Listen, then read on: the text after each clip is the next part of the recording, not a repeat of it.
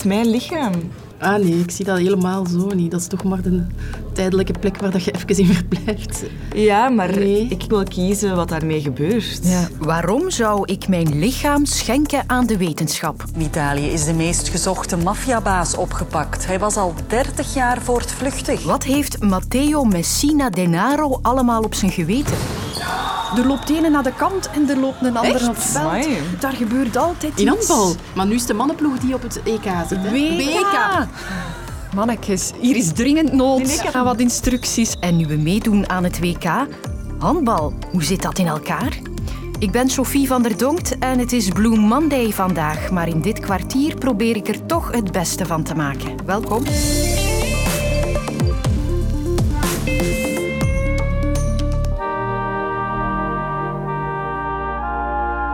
Fantaseren over je eigen begrafenis of over wat er na je dood nog allemaal zal gebeuren, we doen het allemaal wel eens.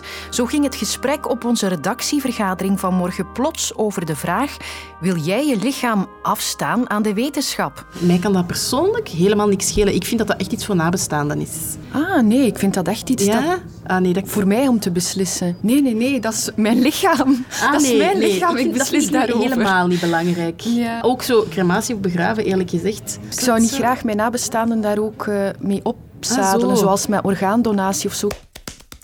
De aanleiding was een persbericht van Vlaams minister van Bestuurszaken Bart Somers. Het wordt eenvoudiger om je lichaam aan de wetenschap te schenken, want je hoeft er geen formulier meer voor aan te vragen bij je gemeente.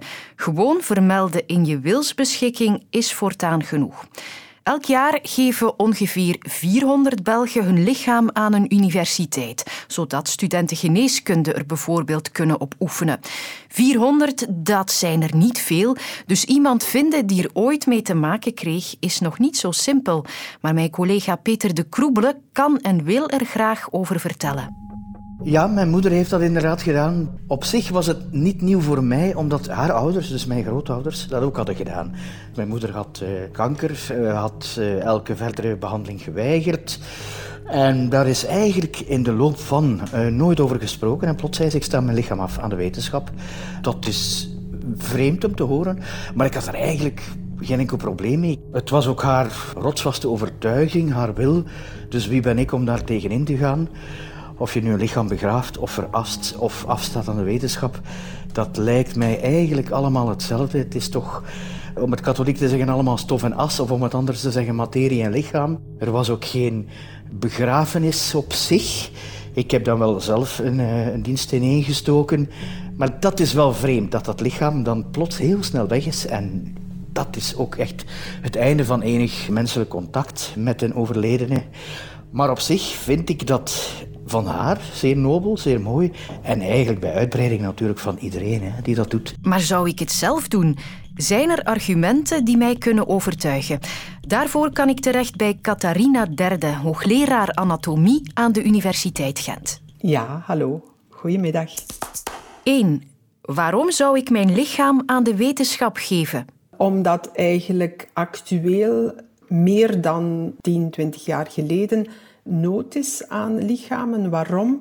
Dus vroeger werden de gedoneerde lichamen ingezet voornamelijk voor het medisch onderwijs. De basisopleidingen, geneeskunde, tandheelkunde, kinesiotherapie en zo meer.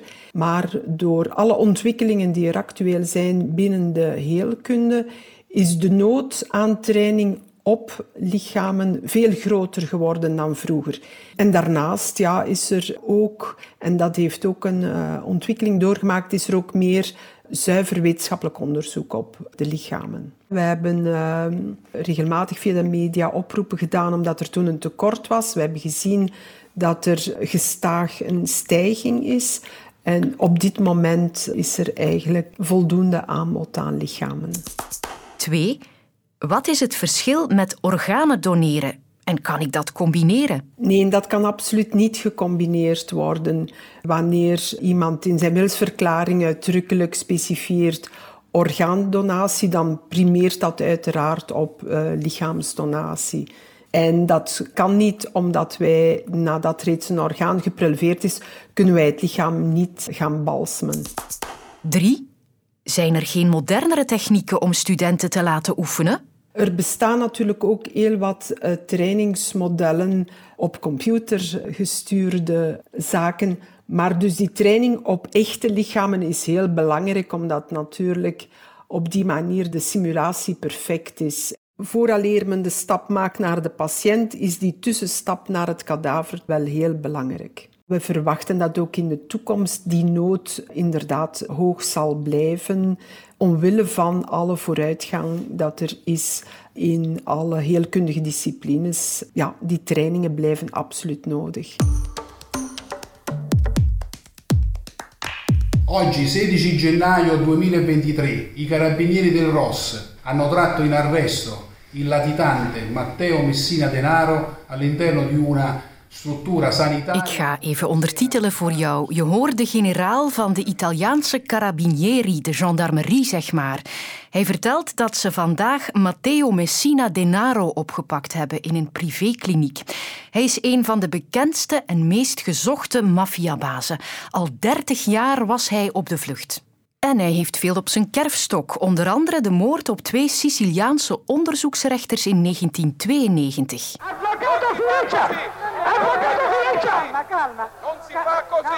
In deze Siciliaanse gerechtszaal pakte Italië zijn dodelijkste vijand aan, de maffia. De mannen die de kopstukken achter de tralies hadden gekregen waren de grootste maffiajagers van Italië. Rechter Giovanni Falcone en Paolo Borsellino. Allebei zijn ze nu dood, vermoord door de maffia. Vorige week zondag was Borsellino op bezoek bij zijn moeder. Een bom doodde hem en vijf van zijn lijfwachten. Hij was gevaarlijk dicht bij al te grote namen gekomen. Falcone zei ooit: Ik heb een open rekening bij de maffia, die zal eindigen met mijn dood. Op 23 mei vloog hij met zijn vrouw naar Palermo in een anoniem vliegtuig onder zware bescherming maar de maffia lag op de loer. In een minuut of drie loodst Mieke Strinks jou en mij door het levensverhaal van Messina Denaro. Wel, hij wordt beschouwd als een van de grootste bazen van de Siciliaanse maffia. Er is vaak gezegd dat hij de grote baas der bazen, dus van alle Siciliaanse klanten zou zijn geweest.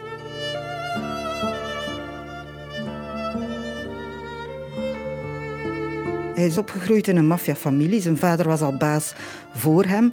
Hij is ook uh, ja, tot levenslang veroordeeld om verschillende moorden, tientallen moorden zou hij gepleegd hebben. Dus hij heeft zich opgewerkt en is ook een zeer gevaarlijk man gebleken. Want hij heeft dus niet alleen heeft hij een aandeel uh, gehad in de moord op de rechters Falcone en Borsellino, maar hij had ook zijn aandeel in die aanslagen tegen de staat, hè, dus in verschillende Italiaanse steden. Maar de meest beruchte moord uh, waar hij voor veroordeeld is, is een moord die toch wel in het collectieve geheugen gegrift staat in Sicilië en, en in heel Italië eigenlijk. En dat is een moord op een jonge Giuseppe Di Matteo. En dat was een jongen van, van 12 jaar, die de zoon van een maffiabaas was ook. Die is ontvoerd om zijn vader eigenlijk af te dreigen. Is dan twee jaar opgesloten gehouden en is daarna gewurgd en in een bad met zuur opgelost.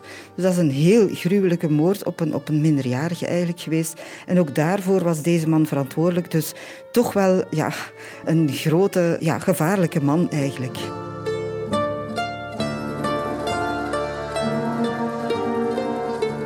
Wel is bekend dat hij een beetje bekend stond als een soort van playboy, als een, eh, een vrouwenversierder. En dat is eigenlijk een beetje onkarakteristiek voor de Siciliaanse maffiabazen, want je moet weten dat dat in die cultuur is het belangrijk om de traditionele familiewaarden hoog te houden. Dat is ook veiliger. Dus als je alleen je vrouw en je familie, je dichte familie ziet, dan is de kans dat iemand je zal verklikken veel minder groot dan als je een hele reeks minnaressen hebt natuurlijk, die zich verongelijkt kunnen voelen als je ze weer of bedriegt met een andere vrouw. Er zijn al verschillende pogingen tot arrestatie geweest. Ik herinner me ook eens dat die uh, gesignaleerd was op een strand in Trapani. Dus dat is ook typisch hè, voor, die, voor die mafiosi dat ze zich dan verbergen in de buurt van waar ze eigenlijk uh, uh, wonen. Hè. Dus omdat dat veilig is, omdat ze iedereen daar kennen en dat gebied onder controle hebben. Hij is ook een keer gesignaleerd in Nederland en daar is, is ook een man opgepakt van wie men dacht dat hij het was.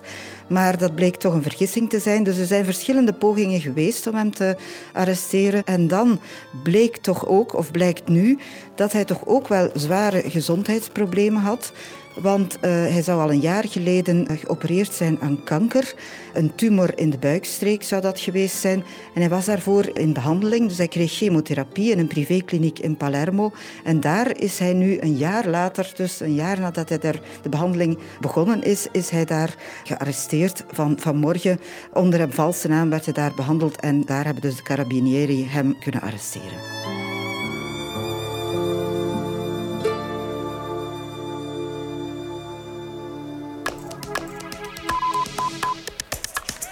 Dit weekend heb ik handbal gekeken, want de Belgen doen voor de allereerste keer mee aan het WK.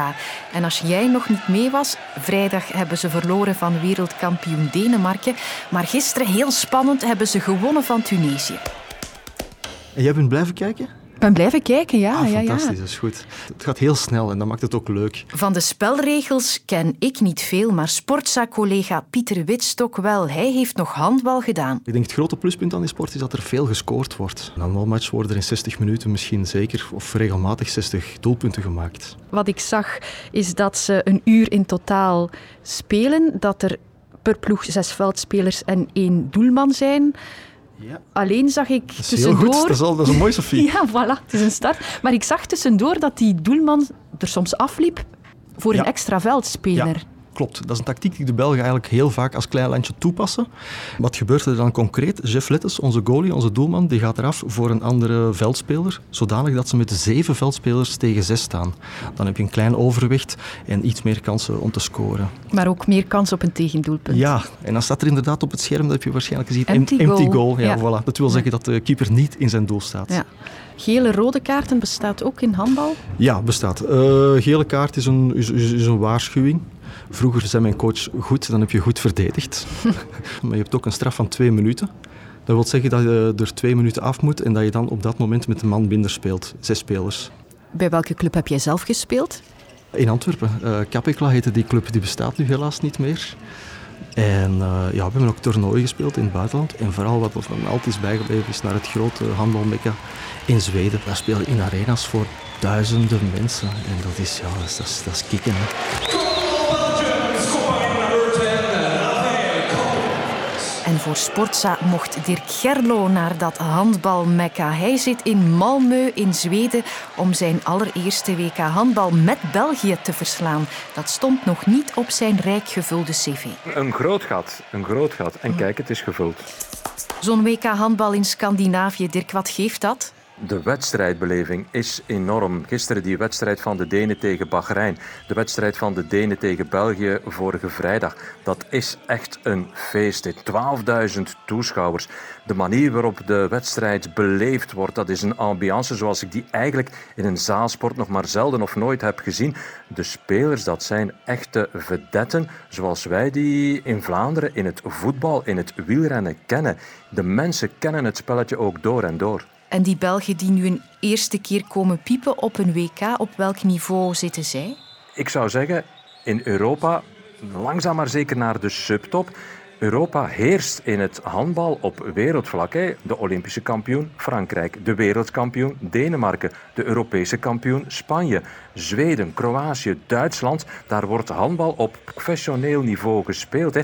En België, laten we dat toch niet vergeten, zonder enige subsidie van bijvoorbeeld het BOIC of Sport Vlaanderen, Topsport Vlaanderen.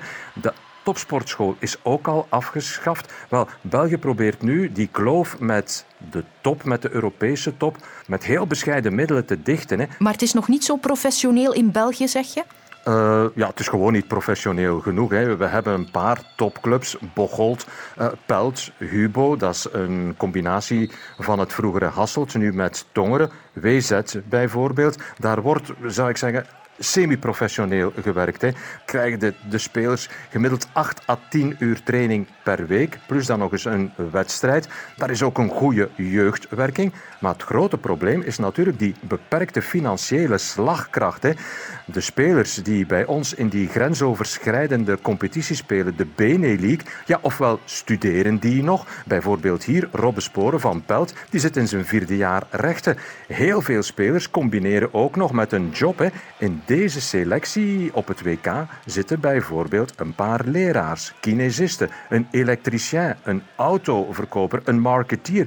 Dus ja, op dat vlak moet je zeggen, is het nog lang niet professioneel genoeg. Er is nog heel veel ruimte voor verbetering, voor verdere professionalisering. En een WK kan dan zeker een boost geven om die kinderschoenen te ontgroeien. Dank je wel, Dirk. Graag gedaan. Je moet maar eens kijken morgenavond als je tijd hebt. Dan is het België tegen Bahrein. Maar uh, eerst luisteren naar het kwartier natuurlijk. Je dagelijkse afspraak met het kwartier in de auto. Dat kan nog handiger en veiliger. De app van VRT Nieuws is ook beschikbaar via Apple CarPlay en Android Auto.